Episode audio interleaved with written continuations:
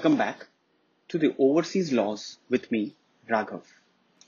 Before the break, we were talking about who can purchase real estate property in India, kinds of property exempted from purchase, whether an NRI or OCI is entitled to obtain loan in India for acquiring properties. Now, I'll, I'll put this question. What if an Indian citizen who owns property in India subsequently becomes an NRI or an OCI? So, such a person can continue to hold property in his name in India. An NRI or OCI is also allowed to continue to own any agricultural land, plantation property, or farmhouse that he owned when he became an NRI or an OCI, which he is otherwise not allowed to purchase after becoming an NRI or an OCI. They are also allowed to let out the property irrespective of when it was acquired. Now, the next question can NRIs buy properties through companies? Well, the answer is a big no. Non-residents cannot buy real estate through companies for a personal use. Another very basic question that you know comes to my mind: uh, Can an NRI or an OCI, through a will, bequeath the property in India to someone else, either another NRI or a resident Indian? Well, the answer is yes. NRIs, OCIs can certainly bequeath the property to their legal heirs or any one of their choice through a will. An NRI or OCI can inherit any immobile property in India, whether it is residential or commercial, or even agricultural land and such of those exempted properties that I've already told you. So, an NRI is also free to inherit property from another NRI or OCI cardholder or resident of India. However, RBI's permission is necessary if the property is inherited by a citizen of a foreign state and is a resident outside India. We are moving to understand repatriation of sale proceeds and other proceeds that accrue from real estate transactions. So, in case the transferred property was acquired when NRI or OCI was resident in India or such property was inherited from a person from a person resident in India, then NRI OCI is permitted to remit up to 1 million US dollars per financial year out of the sale proceeds. Any remittance of an amount in excess of the said limit would require a specific approval from the Reserve Bank of India. In case where the property is acquired from remittance made from outside India while the person was an NRI or OCI, the funds can be freely remitted from India or transfer sale of such property provided the acquisition was made in accordance with the foreign exchange regulations existing at that point in time. It is pertinent to note that in case of a sale of residential property, the repatriation of sale proceeds is restricted to not more than two such properties. Any repatriation for more properties would require approval from the RBI.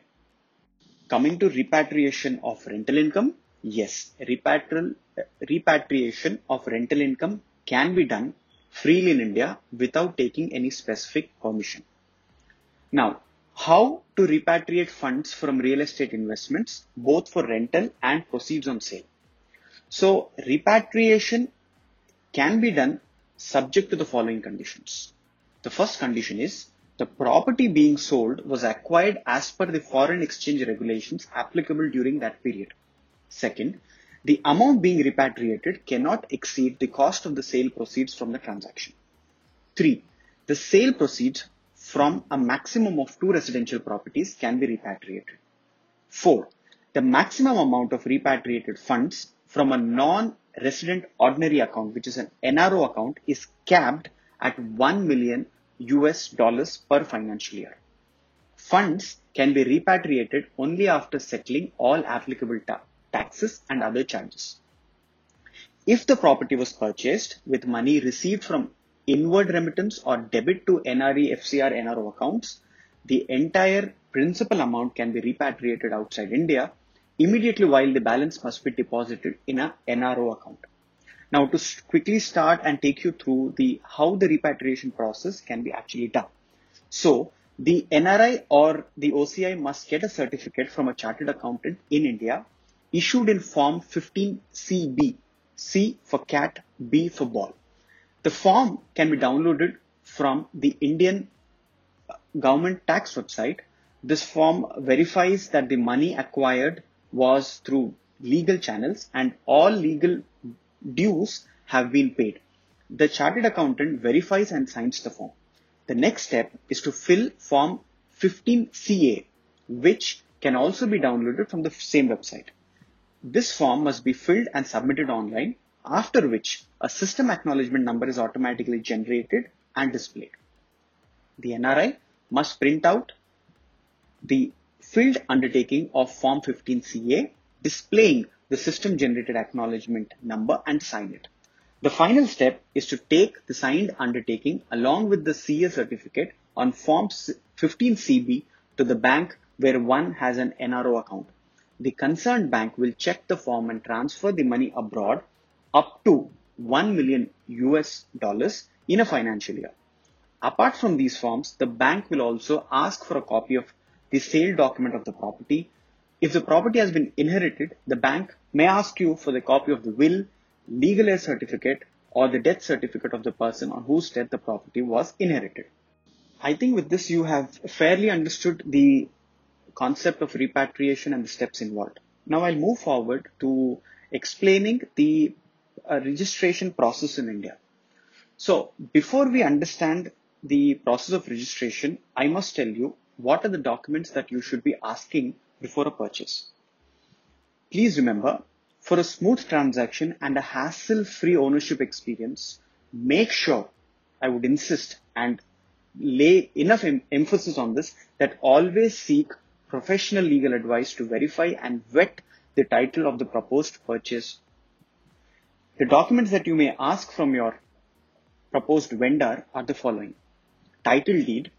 Some states have specific paperwork that you need to be aware of. So you have to be updated about this. Number two, approved plan. Number three, building permit.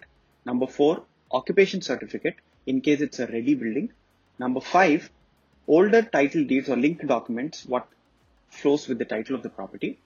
Number six, updated encumbrance certificate. Number seven, share certificate in case you are purchasing a property in a cooperative housing society. Next, a NOC from the society, and finally, a RERA registration as applicable.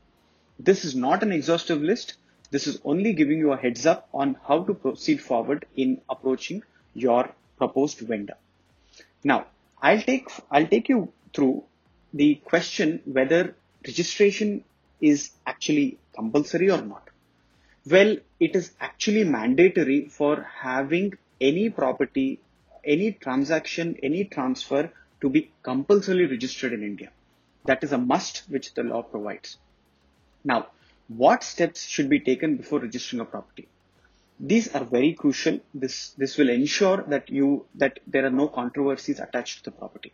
Number one, always ensure that the property is free from all sorts of encumbrances. Now, what do you mean by encumbrances? Usually it is a thing that creates difficulties in the transfer of property from one owner to the other. Examples can be outstanding mortgages or unpaid debt, unpaid property taxes, etc.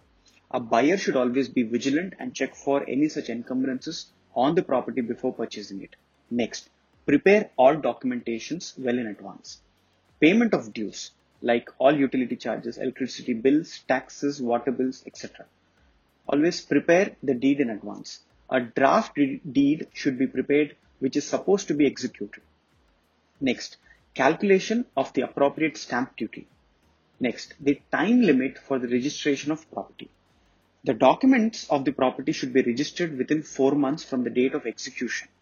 In circumstances wherein the documents are executed abroad, then it has to be presented for registration within four months from its arrival in India. In circumstances wherein the aforesaid mentioned maybe the time limit has expired, then an application for condonation of delay can be made to the sub-registrar along with a particular payment of fine. You may ask me, what happens if a property is not registered? Well, in law, your title would never be recognized and your ownership cannot be established. Another very practical question. Should a NRI or OCI be always personally, physically be present for registration? My answer is no. A specific or a general power of attorney can be executed by the NRI or OCI in favor of any known and trustworthy individual who would act on behalf of the NRI or OCI. You have to be very careful in selecting the individual for these purposes as there have been numerous occasions in the past where the power of attorney holder have uh, have indulged in activities which amounts to cheating the principal and doing uh, various controversies. So there have been several cases where such relatives or agents have sold the property even without informing the owners. So you have to be very vigilant on these aspects. So next you may ask me how can one execute a power of attorney?